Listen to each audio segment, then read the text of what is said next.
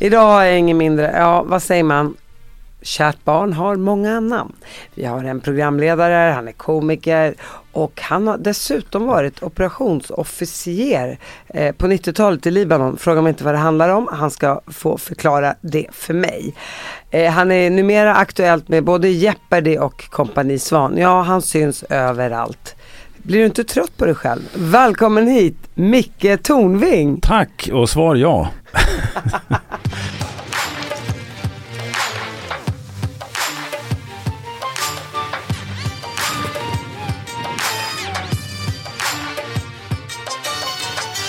Jag är trött på mig själv varje morgon när jag går upp och rakar mig. Så tänker jag, kan jag inte bara slippa den här människan? Ja fast nu skojar du. Nej, alltså jag, jag, det här är ju spelat, inspelat eh, lite tidigare då. Eh, och eh, när jag, jag, jag, försöker undvika att se på mig själv. Och när jag ser på mig själv så, så, så, sitter jag med ett papper i handen och gör anteckningar om vad jag ska ändra och sådär. Så jag sitter inte och njuter av att titta på mig själv. Men eh, jag kan säga, du är ju uppskattad av väldigt många och du får ju såklart jobb därefter. Så att eh, även om du har tröttnat på dig själv så tror jag inte att omvärlden har det. Mm, det återstår att se. Och det är väl ändå ett positivt tecken? Det är ju trevligt eftersom det är mitt yrke.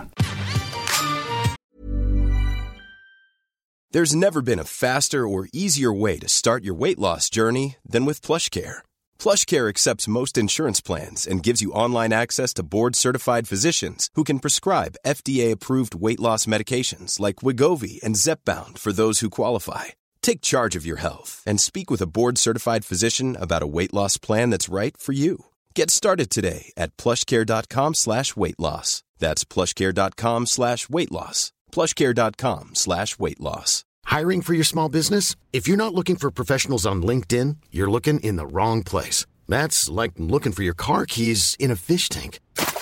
LinkedIn helps you hire professionals you can't find anywhere else, even those who aren't actively searching for a new job but might be open to the perfect role. In a given month, over 70% of LinkedIn users don't even visit other leading job sites. So start looking in the right place. With LinkedIn, you can hire professionals like a professional. Post your free job on linkedin.com slash people today. Men innan vi kommer in på hela din tv-karriär och komikerkarriär mm. så vill jag ju såklart höra lite grann om dig och din uppväxt. Eh, född och uppvuxen i Östersund. Eh, pappa var bilmäkare tidigare, jobbat på eh, järnvägen som eh, lokmekaniker. Eh, mamma jobbade på eh, socialbyrån, pluggade på distans. Hon läste litteraturhistoria när jag var i sagoåldern. Så att för att hon skulle komma ihåg till tentorna så drog hon eh, Odysseen för mig. Och, och de här klassiska eh, grekiska sagorna. Så att jag fick lära mig att, eh, att eh, jätten heter Polyphemos. Som Odysseus sticker ut ögat på med en påle. Eh, och sen så hade du lite mardrömmar efter Nej, det var ju bra stories va. Det är blodigt och, och spännande och en liten människa som överlistar ett stort elakt monster. Så det var, det var kanonbra. Men så en tämligen normal uppväxt. Bodde två år i Västafrika. Pappa fick jobb för Lamco i Liberia. Så jag växte upp under två år där och sen hem igen och sen eh, rullade på i Östersund tills jag skulle göra lumpen och så småningom pluggade jag i Uppsala och sen hamnade jag i, i Stockholm. Hur var barndomen i Östersund? Lugnt och skönt? Och... Ja, alltså jag har pratat om det i, i andra sammanhang men, men, pappa var ju periodare så att eh, och morsan och farsan skilde sig när jag var 15 och syrran och jag sa båda två äntligen när hon kom och berättade det. Eh, så att eh, det här, alltså farsans supande under fyra perioder eh, om året varje jul, påsk, någon gång på sommaren och någon gång på hösten. Det satte ju sin, sin prägel. Men för mig så var han en väldigt, väldigt bra pappa och jag hade en väldigt varm och djup relation med, med farsan. Det var inte så att han drack varje dag under hela året? Du säger att han är periodare? Nej, han hade perioder. Han hade två, tre veckor kanske. Och då var han, då söp han sig redlös. Några gånger om året? Ja. Okej, okay, så det var ändå inte, kände du att det påverkade din barndom eller kunde du ändå se det som, ja nu har han hamnat där och Jag har haft flera gäster på podden som har haft alkoholiserade föräldrar. Mm. Och där har det ju varit riktigt, riktigt illa. Jag tänker några veckor här, några veckor där. Alltså ja, det är ingenting jag försöker förmildra men jag bara undrar. Du säger ju fort, fortfarande att du hade en väldigt bra, varm och fin relation till honom. Ja, alltså pappa var ju, det finns man har ju olika föräldrar va. Och, och om jag fick välja mellan de föräldrar den de farsor som en del av mina bekanta har haft som har varit fullständigt nyktra och min pappa då som, som drack fyra perioder om året, då väljer jag ju farsan. För att han kompenserade i, i väldigt mycket annat eh, de perioderna när han, när han inte drack. Sen var det en osäkerhetsfaktor. Jag kunde inte ta hem kompisar från plugget till exempel. För han kunde mycket väl ligga där utslagen på, på soffan om han kom hem. Och det hände någon gång så jag fick liksom hitta på en lögn i farten och vända i dörren. Och, och skicka ut den här personen. Men, men på det hela taget så, så ska jag nog säga att min uppväxt var var, var väldigt bra. För, för, för morsan var eh, väldigt stabil och pålitlig och intelligent och en, en fantastisk kvinna. Som, som, som man visste liksom fanns där hela tiden och, och var liksom den normala. Hade båda varit alkoholister eller haft andra problem, då hade det varit jättejobbigt. Sen tycker jag att, att det är lite patetiskt. Jag är ju 62. Va? Så om jag hade suttit här nu och, och, och gråtit i studion så över, över min barndom så vad fan, gör upp med det. liksom, det, när man passerar, alltså hur länge ska man hålla på och skylla en, en, en, en lite jobbig barndom? Alla har ju haft en jobbig barndom på något sätt, tycker jag. Sen finns det de som har haft en helvetisk barndom. Eh, och det är en annan sak. Men, men generellt ha lite småjävligt sådär, det kan man inte hålla på och skylla på hela, hela livet, utan man måste hantera det.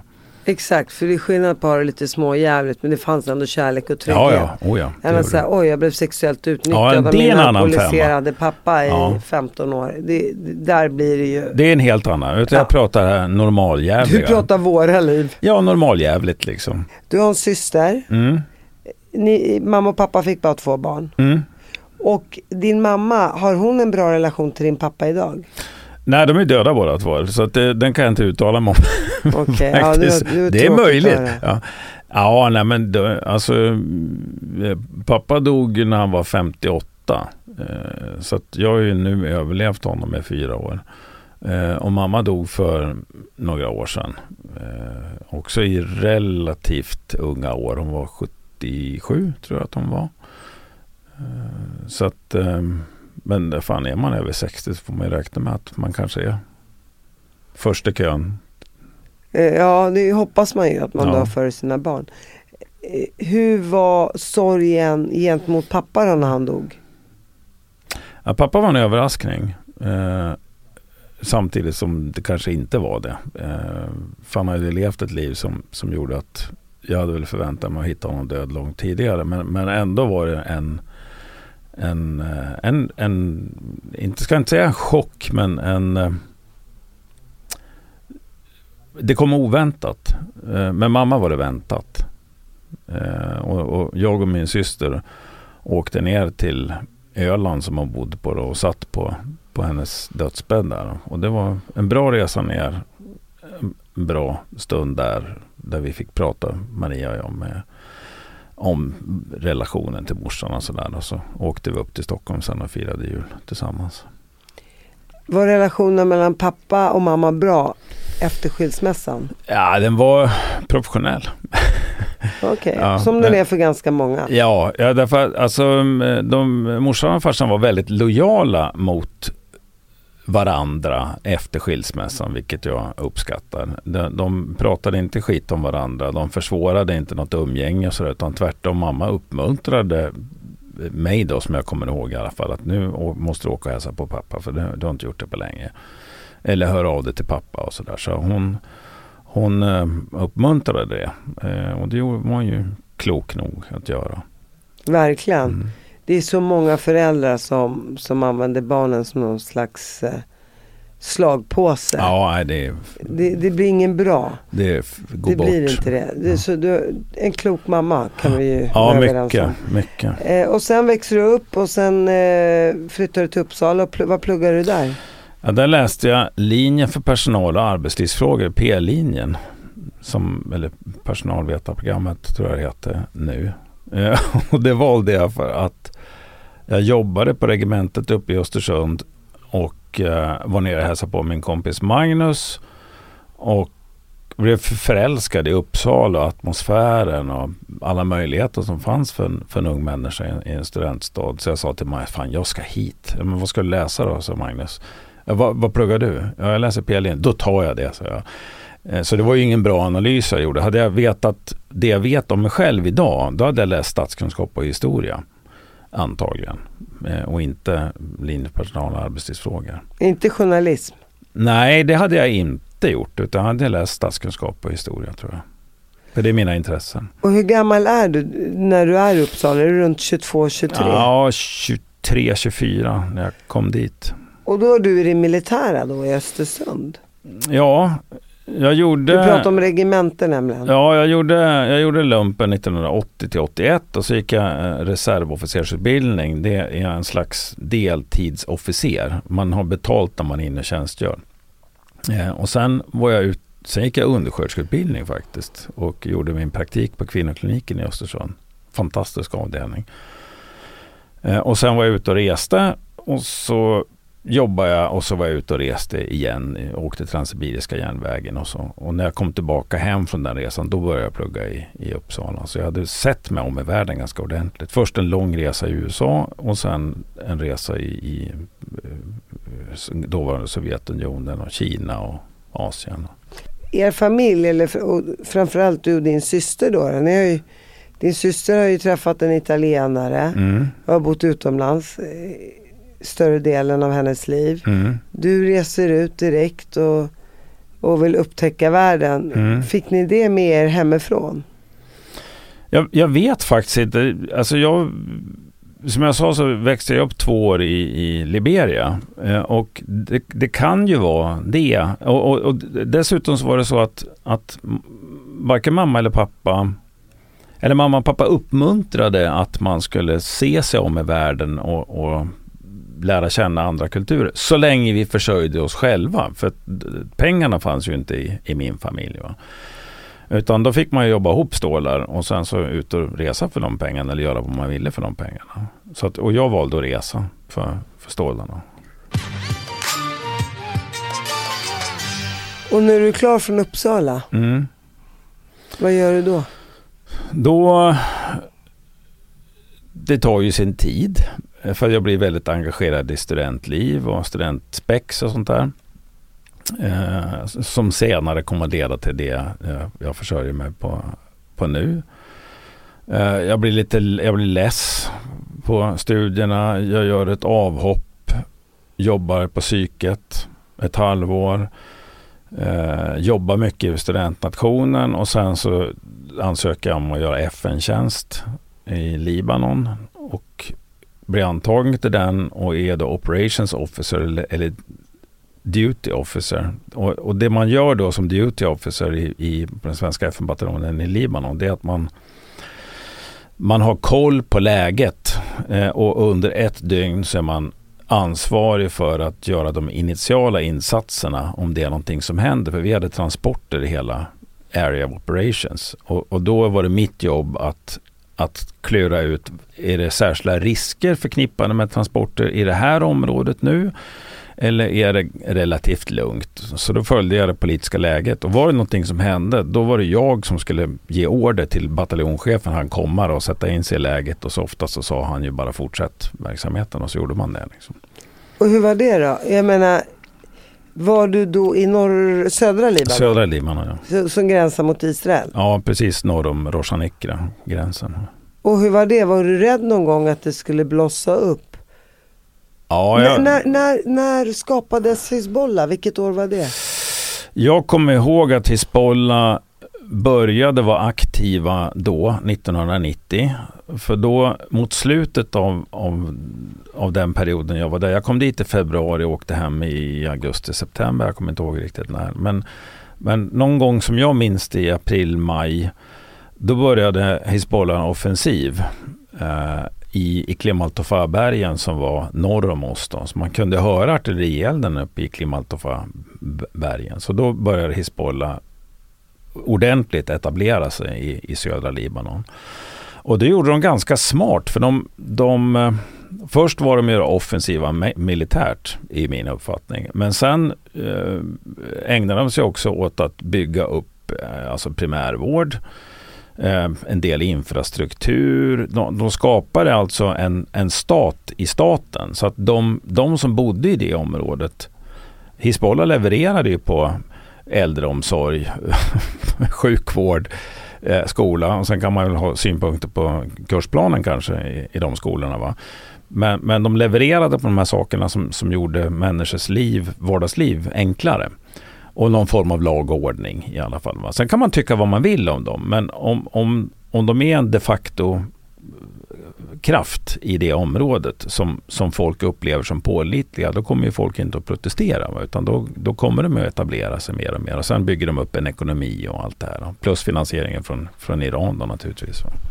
Exakt, både Hamas och Hizbollah är finansierade. Är ordentligt Iran. finansierade från Iran. Och det ser man ju också i, just i regeringen i Libanon. Det är inte så många som vet det. Mm. Men eh, den måste ju bestå, vad är det, president, premiärminister och talman. Ja det är något sånt. Ja. Och, och en måste vara då vara... En ska vara sunni, en ska vara shia, en ska vara drus eller krist, eller en ska vara kristen och så någon ska vara drus också. Ja, så det är fyra olika ja bef höga befattningar där och de måste komma från olika... Ja, och, och som, som svensk så var det ju otroligt förvirrande, eller som västerlänning ska jag säga, så otroligt förvirrande att förstå hur den libanesiska politiken fungerade. För, för att då, när jag var där så, så var det konflikter mellan eh, kristna falangister under Michel Aoun och sen hade det Samir Jaja som hade en annan fraktion som slogs mot varandra. Och ni som inte är, är intresserade här nu som lyssnar på podden, ni kan ju snabbspola eller kolla på Let's Dance eller någonting. Jag vet inte men, men, men det som var svårt för mig att förstå i, i början, det var, vänta nu, det här är alltså en shia-muslimsk vänsterfalang som nu har teamat ihop sig med en kristen högerfalang. Hur hänger det ihop? Eh, och så gjorde jag lite efterforskningar och så pratade jag med libaneser ute på gatan. Och till slut så, så sa jag till en libanes som var ganska insatt att, insatt att men jag tror att det funkar så här, sa jag åt honom. Att i grunden så har du ett, ett klansystem som har att göra med familjebildningar och vilka som är gifta med vilka och vilken klan du anser dig tillhöra. Sen ovanpå det så ligger det religiösa filtret och sen ovanpå det ligger vänster-högerskalan i den västerländska politiken. Och det gör att det starkaste och viktigaste är klanstrukturen. Sen kommer de andra sakerna är liksom lite grädde på moset. Men det gör att en, en, en, en, en shia-muslimsk vänstergrupp kan ha en klansamhörighet eller blodsband med en kristen högergrupp. Och i vissa situationer så väger det tyngre än allt det andra. Men det är väldigt förvirrande om man är bara uppvuxen med, med den västerländska vänster-högerskalan. Utan man måste se liksom i flera, flera nivåer för att förstå libanesisk politik. Nu är ju Libanon oerhört korrumperat idag. Ja, och väldigt mycket styrt av Syrien ju. Som ju du känner till också. Ja, ja, men Sy Syrien var ju, de kastades ju ut där efter mordet på Hariri. Ja. Jag, jag ska inte yttra mig för jag kan så lite. Men av vad jag har hört så ville ju libaneserna bli av med den syriska militären som var inne i Libanon mm. och röjde. Mm. Libaneserna tyckte bara vi klarar oss själva, ni ska ut ur vårt mm. land. Men med facit i hand så har ju Libanon blivit mycket mer eh, osäkert än vad det var när den syriska milisen var där. Både nja och njo. Eh, njo, njo, njo. Både nja och njo. Nej men alltså det, det jag tyckte mig se då med, med Syriens närvaro det är att de hade en säkerhetstjänst som ju inte gick av för hacker. Då, eh, som hade grävt sig in ganska ordentligt eh, i, i den libanesiska samhällsväven. Eh, och sen hade de då syriska militären som var där och skulle hålla ordning då.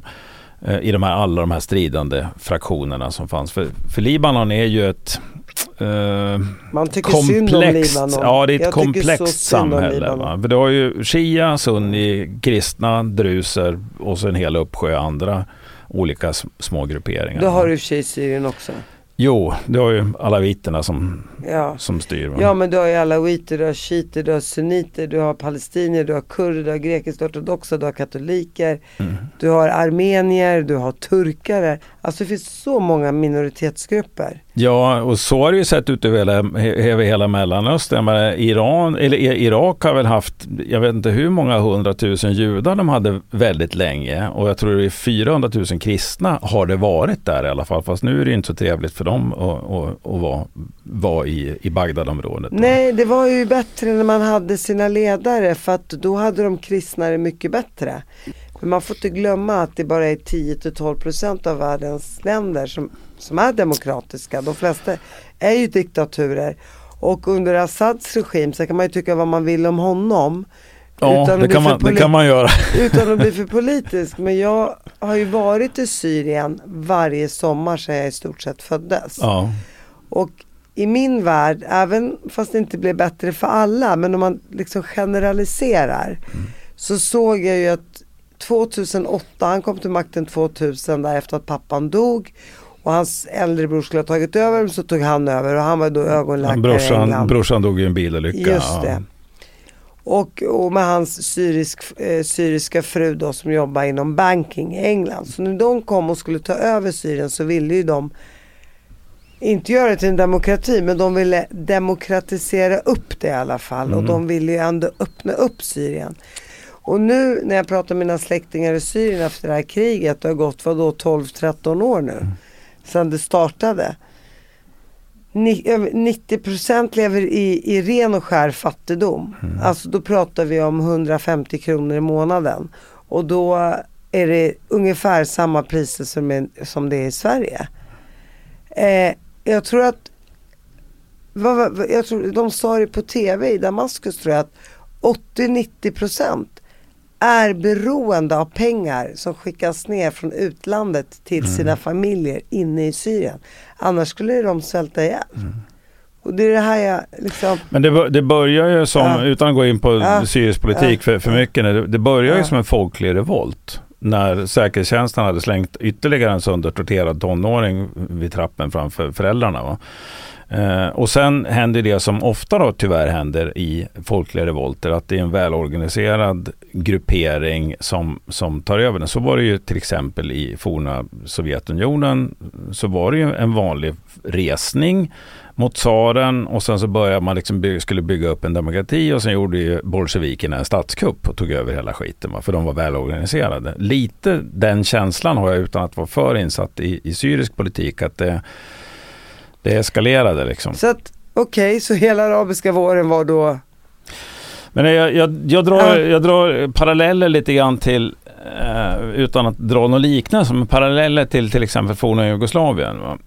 Där du har då en, en, en stark ledare som lägger locket på om de här, ja, Mm. Tito, de här motsättningarna som finns mellan olika grupperingar. Och när den personen försvinner så är det som att då, då släpper helvetet lös. Va? Då öppnar man Pandoras box med olika etniska för, eh, motsättningar och, och, och, eh, och, och det blir ett, ett kaos.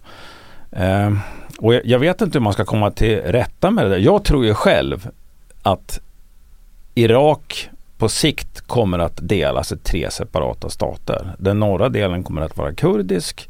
Och sen kommer det ha en sunni muslimsk del runt Bagdad och sen kommer det ha en, en, en shia muslimsk del bort mot Iran. Det är så jag tror att det kommer att sluta. Eh, och vad, vad, vad har jag för tecken för det? då? Ja, ingen alls. Men om man tittar på svensk historia och tittar på till exempel på europeisk historia överhuvudtaget så har vi haft den där födslovånda med nationalstater under 1800-talet.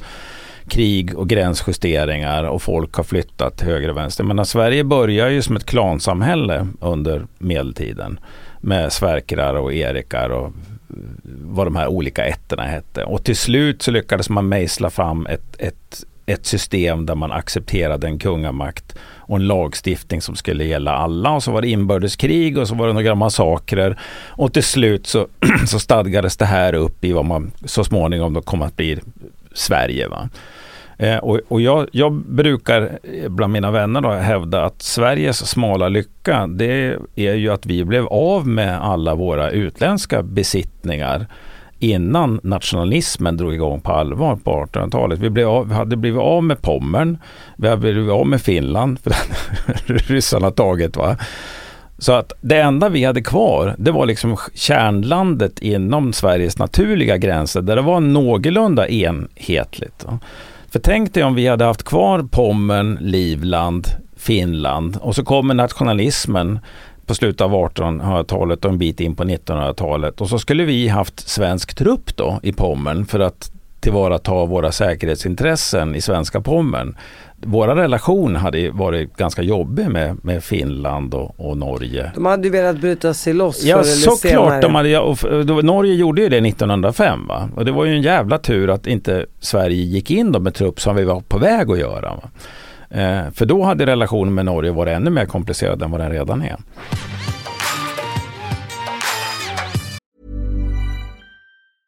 I'm Sandra, and I'm just the professional your small business was looking for. But you didn't hire me because you didn't use LinkedIn jobs. LinkedIn has professionals you can't find anywhere else, including those who aren't actively looking for a new job but might be open to the perfect role, like me. In a given month, over 70% of LinkedIn users don't visit other leading job sites. So if you're not looking on LinkedIn, you'll miss out on great candidates like Sandra. Start hiring professionals like a professional. Post your free job on linkedin.com/people today. Hey Dave, Yeah, Randy. since we founded Bombus, we've always said our socks, underwear, and t-shirts are super soft. Any new ideas? Maybe sublimely soft. Or disgustingly cozy? Wait, what? I got it. Bombus. Absurdly comfortable essentials for yourself And for those facing homelessness. because one purchased equals one donated. Wow, did we just write an ad? Yes. Bombas. Big comfort for everyone. Go to bombas.com slash ACAST and use code ACAST for 20% off your first purchase.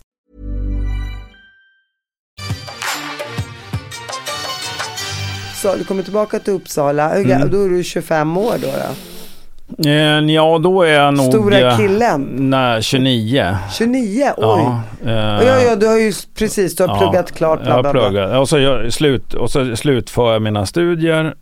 Gör min, skriver min jävla uppsats. Tillsammans med en tjej som heter Gunilla. Vi hade båda svårt att få ur oss den där. Så gick vi ihop och, och gjorde den tillsammans. Kompetensförsörjning i äldreomsorgen. En kioskvältare kan jag säga. Kommer på Netflix nu till våren. Jättespännande. Eh, och sen fick jag faktiskt en roll i Strindbergs Fadern på Uppsala stadsteater. Var du där och sökte då? Nej, utan vi hade spelat ett, ett stort spex där något år innan och de behövde väl en, en manlig skådespelare i min ålder och så var väl alla deras upptagna och så var det en ganska liten roll.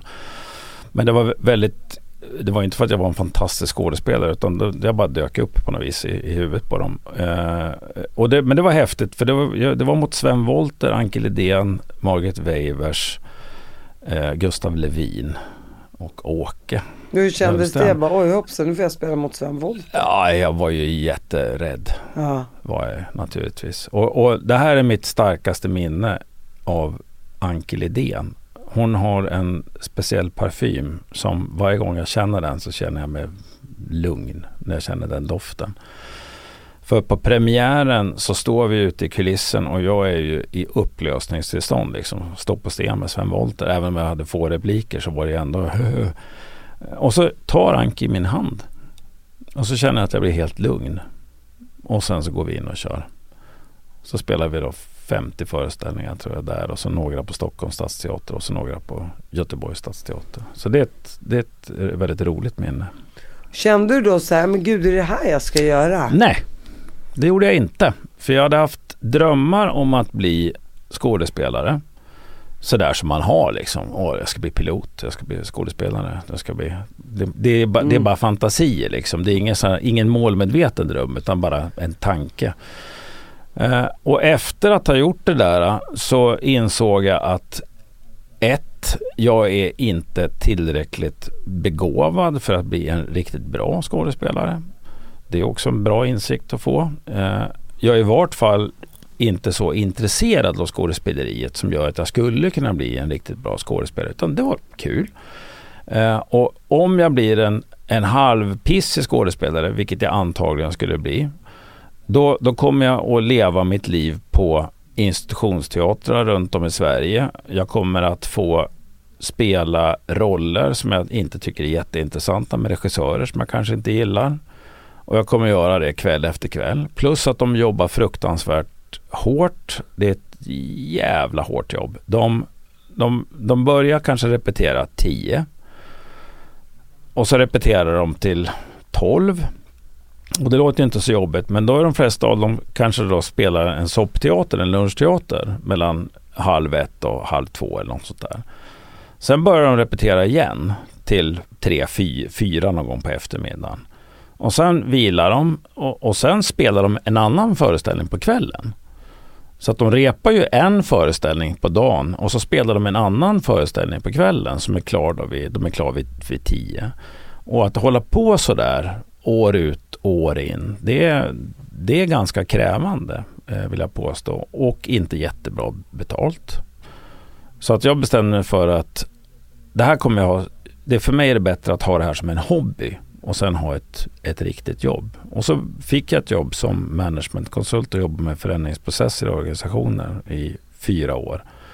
Var var det någonstans? I Uppsala? Det var i Stockholm. I Stockholm, Ja. så du flyttade till Stockholm? Jag flyttade till Stockholm och fick jobb då för ett konsultföretag. När under resans gång träffade du din fru? Väldigt- Mamman till dina barn? Det var så att när jag jobbade som konsult så, så ringer en gammal kompis från Uppsala, Ulf, Ulf Kvensler, som har skrivit, varit huvudförfattare till Solsidan. Han, var, han har skrivit Vår tid är nu. Eh, han var den bästa av oss på scen, fast han vill inte stå på scen. Eh, han skriver böcker. Eh, otroligt begåvad människa. Gillar man sådana människor? Jo. Nej jag skojar bara. Jo, men han är, Ulf är Ja, jo, men- jävligt ro, rolig. Jag fattar, han är ett geni. Ja, han är, Ja. han är bra. Eh, så han ringde Ja. mig och sa att eh, jag funderar på, jag sitter, han jobbade då på Anderson Consulting och hackade Java-kod. Eh, han sa, jag tror att jag vill, jag vill göra en krogshow, vill du vara med? Och då var det jag och Henrik Hjält, en, en komiker som också har suttit i parlamentet, Mattias Konnebeck och så var det ett helt som har suttit på kåken. Nej, han ser ut som han har suttit på kåken men han är jurist. Eh, och så en kille som heter Mattias Konnebeck och så var det ett annat gäng. Så, så vi gjorde krogshow samtidigt som vi jobbade. Vi hade liksom vanliga jobb. Och sen så stack det här iväg och vi fick erbjudanden om att jobba på SVT med ett projekt och lite andra grejer. Så att jag sa upp mig. Och till en av de här krogshowerna så skulle jag så, så säger Ulf att, till mig att jag tycker att du kanske ska ta sånglektioner Micke. Ja, behövs det? Ja, sa han, det behövs. Och då kom jag i kontakt med, med min blivande fru då, som var min sånglärare. Och så på den vägen Var, var blev det. du kär vid första ögonkastet? Ja, jag blev det, men inte hon. Vad häftigt. Ja, Och hur lång tid tog det innan du fick hångla då? några månader. Ja, det var så lång tid. Ja. Det var ju ett antal sånglektioner där, så utvecklades det till middag och lite sånt där. Så Ja. att, ja. Jag hoppas du bjöd henne på middagen. ja, det gjorde jag. Såklart. Ja. Du hade lärt dig av hur libaneserna Nej, jag har lärt mig som officer Ja, hur man beter sig. hur man beter sig. Ja. Eh, maner och förser och beter sig. Mm. Eh, Okej, och så gifter ni er bara Mm. nå två år senare. Nej, vi får eh, ett barn eh, och sen gifter vi oss eh, 98 för oss Hugo och sen så gifter vi oss eh, 2000 tror jag. Eller 2000. Eh, jag minns inte riktigt Det är bara faktiskt. potato patata. Ja. Och sen får vi eh, yngsta sonen då, Harald som nu är på resande fot i Vietnam. Oj, vad coolt. Mm. Eh, Harald är då född 2002. Eh, 01 i alla fall. 01, Ja. okej. Så det är tre år mellan killarna. Det är som mina. Mm. Har de bråkat mycket? Ja, gud ja. Alltså mina söner, jag bara undrar om det är något fel. Eller om det är jag som har otur. Men nu är, de vän, nu är de vänner. Ja, hur lång tid tog det? Ja, tills äh, yngsta som en jävla retsticka liksom. Tills han insåg att brorsan som då gick officersutbildning äh, var så pass lugn så att han inte gick och provocera längre. Utan äh, äldsta killen bara tittade på, på yngsta så här när han höll på att reta sig. Så det har vi pratat ganska mycket om och de, är, de har en bra relation de där två. Är det inte så att när man inte längre kan provocera, det gäller i, vilka, i vilket sammanhang som helst eller Mm. situation. Då tar det ju inte på en Ja, och då ger ingen- man upp. Då är det inget kul längre. Då kommer jag ihåg när jag slog min lilla syster. Då var väl jag så här 15 och hon 13. Eller om jag var 16 och hon var typ 14. Jag var hmm. Man kanske inte ska slåss i den. Inte okej Bettina. Nej det är inte okej. I know, I know. Men jag slog till henne. Då kommer jag ihåg hon reste sig från soffan och bara sparkade till mig i magen så jag flög. Och det Ja. var sista gången jag slog henne. Bra. Så det är ju så. Det är när någon sätter stopp Mm. för ditt beteende som du slutar på riktigt. Exakt den situationen som vi har i Ukraina just nu. Ja men det, det, ska vi berätta lite om den? Nej, men, jag, tror den, jag tror den situationen är bekant men, men min bestämda uppfattning det är att eh, Ryssland måste få på käften. Eh, för det, det är en kultur där, man bara, där de bara förstår styrka. Eh, att vara svag, en, en svag person har ingen rätt. Utan det är den starkes rätt, åtminstone för Putin och gänget. Va? Och lite grann ligger det också i den ryska kulturen tycker jag mig ha sett att eh, du ska ta för dig och kan du inte ta för dig får du skylla dig själv. Va? Lite Charles Darwin. Ja, lite så. Va? Eh, så där när, när vi tror att ja, men vi har ju ett avtal och vi genomför ju förhandlingar här och, och det är ju internationell rätt som gäller. Ja, fuck you, det gäller bara så länge du inte har två brigader att sätta emot. Då. Har du varit i Ryssland? Ja, jag har varit där två gånger. Jag var dels på en skolresa till dåvarande Leningrad 1977 kanske. Och sen åkte jag Transsibiriska 82. Och båda de tillfällena, redan första gången jag var där så insåg jag att det här är ett fullständigt sjukt system där människor går omkring och är rädda och inte törs prata med främlingar på gatan för att de är rädda att KGB Men du, du har ändå inte varit där på vadå 40 år nu? Nej. Det är otroligt. Ja, men jag tycker inte så mycket verkar ha ändrats i grund, grundinställningen hos människor. Men, jag har aldrig varit där. Jag, många säger som har varit i Ryssland att ryssar är väldigt trevliga. Ja, gud ja. Alltså, Eller man är som man är. varma och Ja. sådär. Men, men det finns två lager eh, som jag tycker är intressant. Det ena är, eller det, det jag tycker mig se, det är att i Ryssland, där bygger man den lilla världen. Du har ingenting att göra med den stora världen. Och den stora världen då, det är politiken. Det är liksom hur landet styrs och lagar och regler och sånt där. Utan du bara duckar och försöker hantera det. Man protesterar inte. Det är mot, motpolen till Ryssland är Frankrike, skulle jag vilja säga. Där går bönderna ut på gatan och tömmer 800 ton gödsel om det är en lagstiftning som de inte gillar. Ja, det, räcker med att man ska jobba till eh, 65 så Ja. blir de galna. och bränner bilar och sådär. Va? Och Ja. det, det är kanske lite långt åt andra Det blir hållet. Då. stormningen av Bastiljen direkt. Ja, det är revolutionära glöden. Ryssarna är ett folk som, som hukar, tycker jag mig se, va? Under, under statsmakten. För de har lärt sig att det är ingen idé. De kan ändå inte påverka någonting. Va? Och det är lite farligt. Tycker du vi ska gå med i NATO? Vad, vad känner du för den? Ja, det har ju Sveriges regering och riksdag bestämt att vi Ja, ska men göra. vad känner du? Jag tycker det är en bra idé. Eh, vad tror du, tror du att vi kommer få komma med i år? Det har att göra med Erdogans humör och vad han tycker att han kan få ut av den dealen och sådär. Men jag tror väl att eh, resten av NATO-länderna börjar ruttna både på Orban och Erdogan vid det här laget. Så att, Det är alltså Ungerns ledare. ja. För er som inte vet. Så ett argument som jag, som jag har hört det är, eh, jaha, då kanske ska vi då vara beredda att dö i Baltikum? Ja, för det första så är ju, när de som säger vi, de menar ju inte att de själv ska med och göra det. Men, men både jag och mina söner ligger ju i farans riktning. Va? Kanske inte jag så mycket av åldersskäl. Och jag säger eh, ja, det är klart. Därför att i 50 år så har vi kallt räknat med att amerikanska, amerikanska unga killar ska komma hit och dö för oss. Det har ju varit hela doktrinen att vi ska hålla emot och hålla emot och sen få hjälp. Och den, vad den hjälpen innebär det är ju att andra länders soldater måste komma hit till svensk jord och hjälpa till att försvara oss. Va? Så att, att vi drar vårt strå till, stracken, eh, strå till stacken det tycker jag väl är ganska rimligt. Eh, utan att man för den skulle behöva vara krigs hetsare eller militarist eller vad nu Nej, det man vill ju bara ha fred på den här planeten. Ja, men, men har man den typen av grannar så, så måste man så, så, så kommer freden med ett pris och det, det priset är att man har en, en stor påk som de vet att man kan använda om det skulle behövas. Det är som Theodore Roosevelt lär ha sagt Speak softly but carry a big stick. Så att SVT kommer du in i rätt, ja, i 30-årsåldern där. Du tar sånglektioner. Mm. Sen börjar ju din karriär med programledarjobb, eh, du är komiker. Mm. Eh, eh, Det går väldigt snabbt sen. Ja, det gör det. Alltså första åren var ju magra och min eh, exfru eh, är ju kyrkomusiker så att det var ju inte så att det, pengarna rasade in i familjen.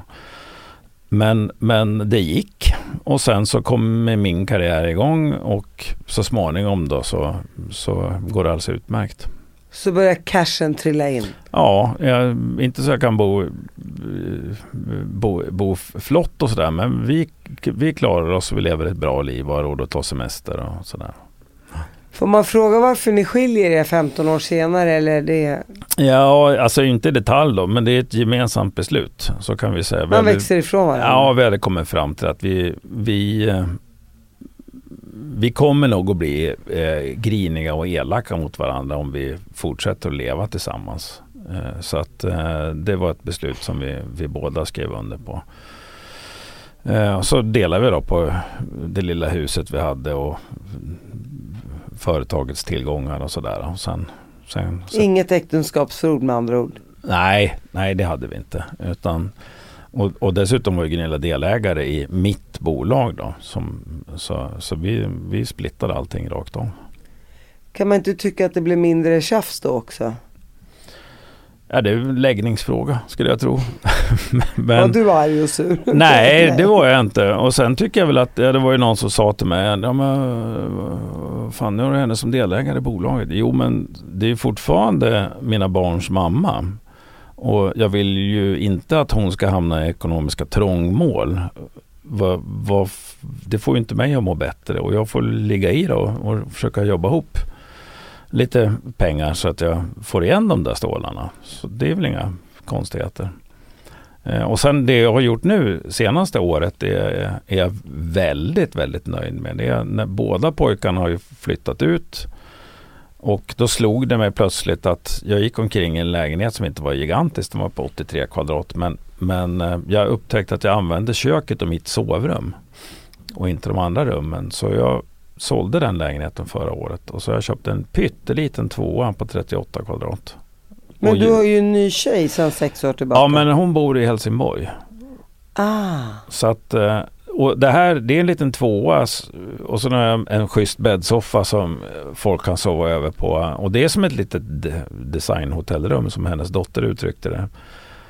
Eh, och jag trivs jättebra där. Därför att jag använder min lägenhet på det sättet att jag är nere hos min syster nere på Österlen eh, och sen är jag uppe i stugan uppe i Jämtland och sen kanske jag är iväg och gör någonting annat. Så att det här är mer som en, en, en bas i Stockholm som jag tycker väldigt mycket om att komma hem till. Men det kan vara en månad utan att jag är där. Och, och då är det en liten lägenhet som kostar så pass lite så det svider inte att, att låta den stå tom. Och sen kan grabbarna utnyttja den då när, när de är i Stockholm och har med sig någon flickvän och sådär. De vill vara i fred så har de ju min lägenhet. Som de kan vara i. ja, och, och det verkar ju funka för Ja. både dig och kidsen. Får jag fråga var, eh, har de egna lägenheter idag, killarna? Den äldsta jobbar och bor i Eksjö. eh, har en lägenhet där. Eh, och den yngsta är ute och reser nu då. Och sen kommer han tillbaks och sen ska han börja plugga. Men, men eh, det är ju inte mer än att man kan tränga ihop sig. Men jag växte upp i en etta med hund och jag sov i kökssoffan liksom. Ja, nej men herregud, vi, var- vi, bodde 10 pers på 110 kvadrat. Så Ja, Vi hade, vad blir det, 11 kvadratmeter var. ja Så att eh, det här med compact living, det, det, Det är- funkar. Det har, det har funkat. alltså eh, det, det har funkat. Ja men det har funkat och jag, jag ska nog säga det att att, eh, att det att, eh, att eh, hur ska jag förklara? Jo, stämningen är viktigare än ytan. Eh, och har du en, är det liksom en varm stämning, då kan man klämma ihop sig i en tvåa, fyra stycken utan att det känns besvärande. Och är det dålig stämning, då kan du bo i en, en våning på Östermalm på 200 kvadrat och det är fortfarande jävligt jobbigt. Va? Din nya girlfriend som heter Petra. Mm. Eh, hur känns det att leva särbo? Längtar man inte efter varandra? Jo, vi har pratat om det där eh, ganska mycket. Hon har ju tre vuxna barn. Hur gammal är Petra? Hon är 53. Mm.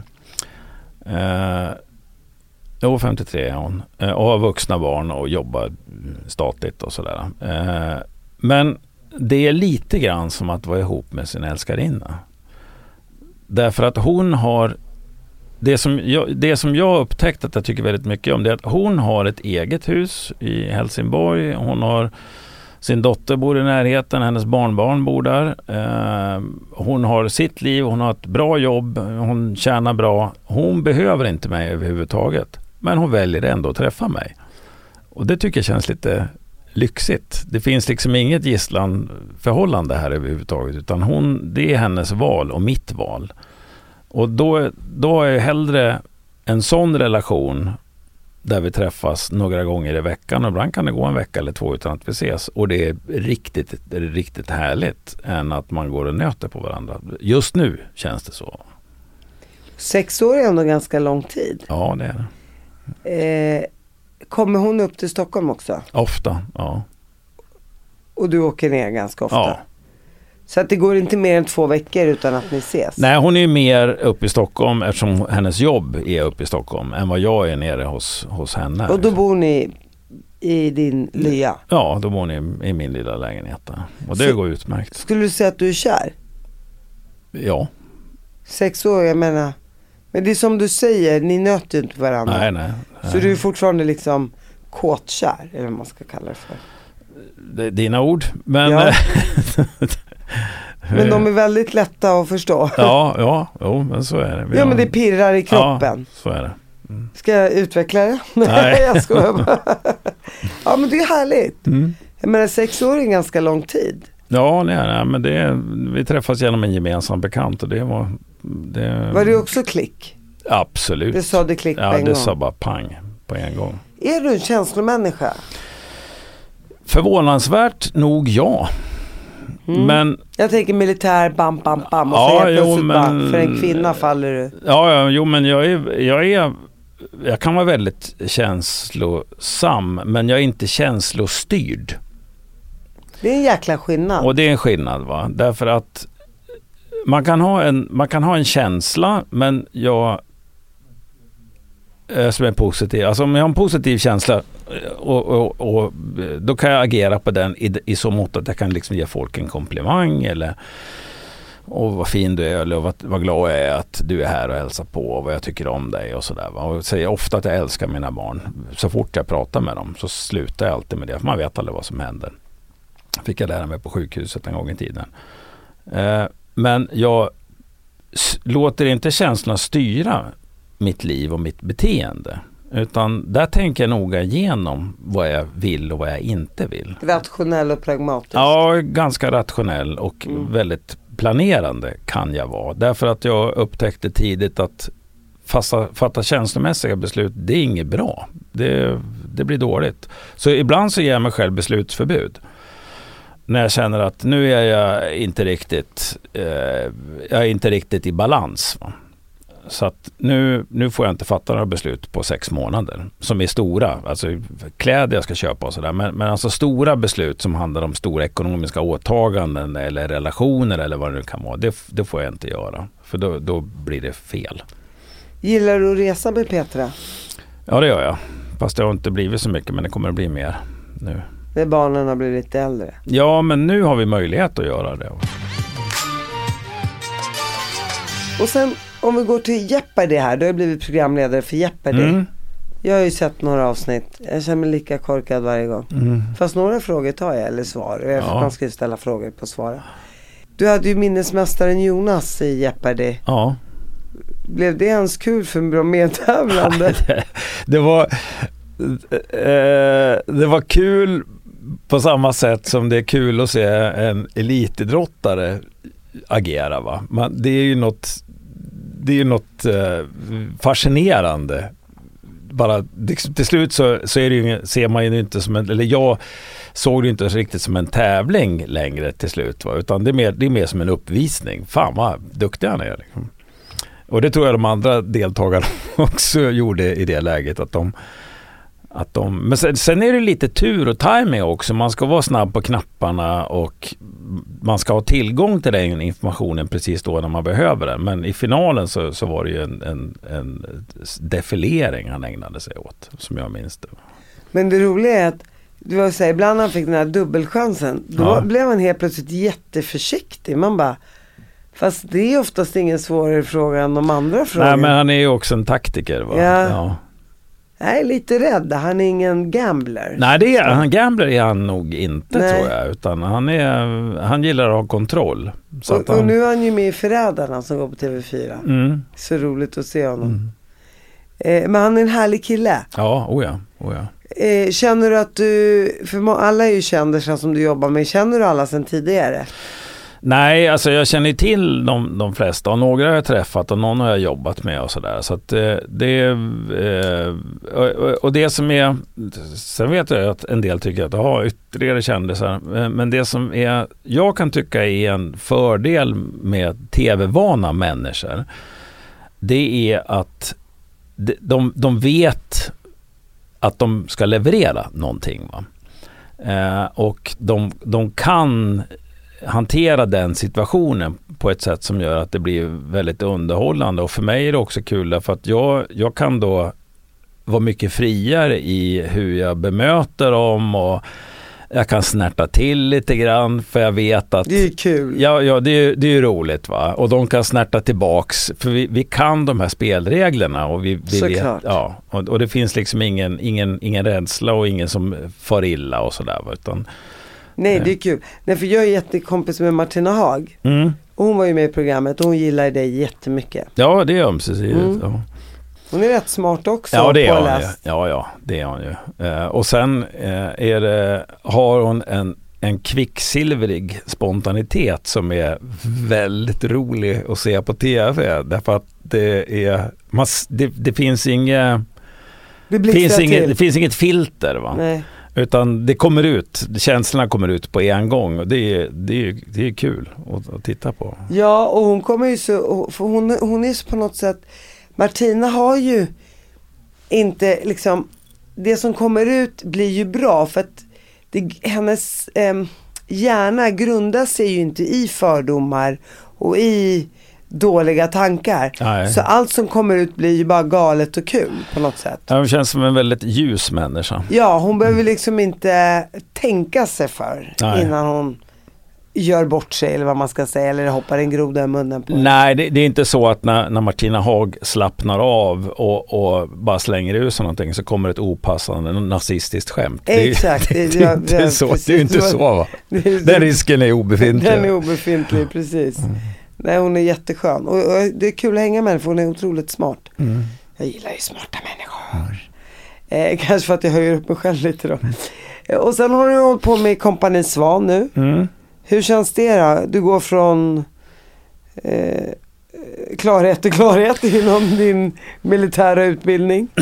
Ja, nej men det är en annan sak va. Eh, och det jag tycker om med Company Svan, det är så kul att jobba ihop med Gunde. Eh, Jag älskar Gunda. Ja, han är eh, jättehärlig och varje morgon så när man möts för frukosten och kommer han ju nyduschad och har sprungit två mil och Ja. åkt fyra mil rullskidor Ja. eller någonting sånt där. Va? Så han, han är ju i en fenomenal form fortfarande. Jag, jag sa efter förra kompani Svan när vi var uppe i i Kiruna-trakten och upp, gick upp mot Keb där, så sa jag om du vill behålla självkänslan, gå inte i fjällen med Gunde Svan. Nej. För det, han bara drar på, på Mm. liksom. Man, jag tyckte själv att jag var väl i okej form, men inte i närheten av, av Gunde. Jag träffade ju Gunde faktiskt första gången när jag gjorde Fångarna på fortet. Mm. Och vi var team Gunde då. Och så gick jag in i den här första cellen och bara kämpade för kung och fosterland. Så kom jag ut därifrån och han bara, han blev så förvånad för han tänkte väl så här, Den där Östermalmsladyn ungefär, vad, vad, vad kan hon prestera? Ja. Så kom den här förortspartierna fram, han bara fattar ingenting. Det var rätt roligt. Ja. Och få sina fördomar krossade där liksom. Och det är samma sak med Martina Haag. Mm, Du kan, du, kan, du, kan, eh, du kan flytta på den där förortsbruden men du kan inte ta orten ur henne. Liksom. Tack Zlatan. typ.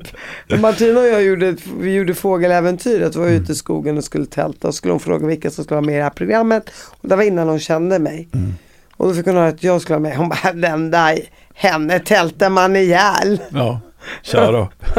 Du bara wait and see, ihjäl. Som jag sa, 11 kvadratmeter, Ja. 100 syskon liksom.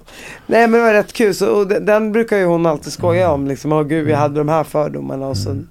Men Gunde är fantastiskt också. Men det jag tycker om med Company Svan, alltså själva programmet, det är att det, det är, det är för ett, det är ju inte att som att göra lumpen eh, eller göra militärtjänsten för den pågår i minst sju månader det är en helt annan femma. Va? Men, men andemeningen är samma sak, nämligen att man får de här människorna att utvecklas och man får de här människorna, deltagarna då, att göra saker som de inte trodde att de skulle klara av. Så att, att liksom öka självkänslan hos människor och få dem att utvecklas, det tycker jag väldigt, väldigt mycket. Och självförtroende. Ja, och självförtroendet. Var. Jag pratade med min äldsta son då, som, som är officer. Och så frågade jag honom, vad, vad är det roligaste med att utbilda trupp? Ja, alltså det är att se soldaterna utvecklas. Och har man den inställningen, alltså en lärarsjäl, Eh, och det är det en, en bra officer har ju en lärarsjäl. Man, man är inte där för att vara stjärnan utan man är där för att helst ska ju soldaterna bli bättre än vad man själv är på de här sakerna som man utbildar i. Då, då har man ju verkligen lyckats. För det handlar om att få dem att överleva i förlängningen. Det är fantastiskt, fantastiskt att din son säger det som är så ung fortfarande. Ja, han är jag. fan med klok, Klok, alltså. Mycket klok verkligen. alltså. Och, och, nej men jag vet flera som varit med där, för jag har alltid sagt så här, gud det är sånt här äh, program man själv skulle vara med i just för att, för att det är lite hårt och det är ryggsäck på ryggen och upp för backen där eller berget eller, Mm. man gillar ju utmaningen. Jag känner ju Daniel Paris var ju med där. Och, Ja. Och sen är det disciplinen. En del tycker Ja. att det här med att bädda sängen och gud vad jävla löjligt. Men, men det handlar om att lära soldaterna att omsorg om detaljer. Eh, och då börjar man med sängbäddningen. Eh, därför att dels ska en soldat hålla rent och snyggt omkring sig. Du ska hålla ordning på utrustningen, du ska hålla rent och prydligt omkring. För att det, det ökar din förmåga. Att du, du har koll på grejerna. Det är precis som när man seglar. Eh, oj, vart la jag den tampen då, nu när det börjar storma? Eller vad, hur löser jag upp den här knopen? Du måste kunna de sakerna. Så att, att man, man inpräntar den här omsorgen om detaljer som gör att de till slut tänker på alltihopa. För mig är det fortfarande så att jag kan gå upp mitt i natten i min i och för sig då lilla lägenhet men hitta exakt vad jag behöver utan att tända lampan. För att du vet exakt var Jag har vet, det. jag vet precis var grejerna ligger. Egentligen behöver ju, typ som jag själv, ADHD-person, göra lumpen. Ja, Det är liksom struktur, ordning och reda. Det är liksom frukost då, upp då, tut, tut, tut, tut, hela och, den. och du kan vila i den strukturen för allt du behöver veta det står på dagsprogrammet på väggen. Det står att 07.30 ska du stå på den här platsen och du ska ha den här utrustningen. Och sen ska, de ska vi göra de här sakerna. Och Så Jo, men bara det är ju svårt för en ADHD-person. ja, men du, kom, du får ju lära Ja. dig till slut. Va? Exakt. Och, Utvecklingen som vi pratar Ja, och om. då kan man vila i den rutinen. Va? Du, du, du behöver inte fatta en massa beslut själv. Utan de besluten är redan fattade åt dig. Det är bara att hacka i sig. Det är bara att liksom inlämna sig i den här strukturen. Och sen så rullar det på. Och sen så sover du gott på natten för du är helt slut. Både psykiskt och, men, och fysiskt trött. Så jag tyckte det var jätteskönt att göra lumpen. Skulle du säga att det här är det roligaste programmet du har gjort? Eh, Du har varit med i Parlamentet, du Ja. är programledare, du spelar teater. Ja, alltså ett av de roligaste programmen, det kanske för att det var det första, det var Detta har hänt som gick på Sveriges Television för, på 90-talet. Och det var extremt kul därför att på måndagen fanns det inget program och på fredagen gick det i sändning. Så vi skapade sketcherna och inslagen under veckan. Måndag, tisdag, onsdag, torsdag. Ja, och vissa, och, och det var en så korta ledtider så att jag kunde få en idé på jag kunde få en idé på tisdag morgon. Skrev manus till den. Den spelades in och redigerades på tisdag eftermiddag. Eh, eh och, och, det har jag aldrig varit med om för. Plus att vi jobbade som ett enda stort kollektiv. Vi satt tio manusförfattare, tror jag vi var, runt ett stort bord. Och så fördelar vi skrivuppgifterna. Jag skriver om det här och du skriver om det där. Och sen skrev man och sen skickar man runt manuset i vänstervarv. Och så kom det med röd penna tillbaks. Vad fan, det är ingen avhandling du skriver. Det här är för pratigt. Och att, att få lära sig skriva för TV på det sättet var för mig då otroligt utvecklande. Så jag håller nog faktiskt det för det mest kreativa och roliga program jag har varit med och jobbat med en gång. Kul. Ja. Tack för att du kom hit. Tack så mycket. Dina. Tack.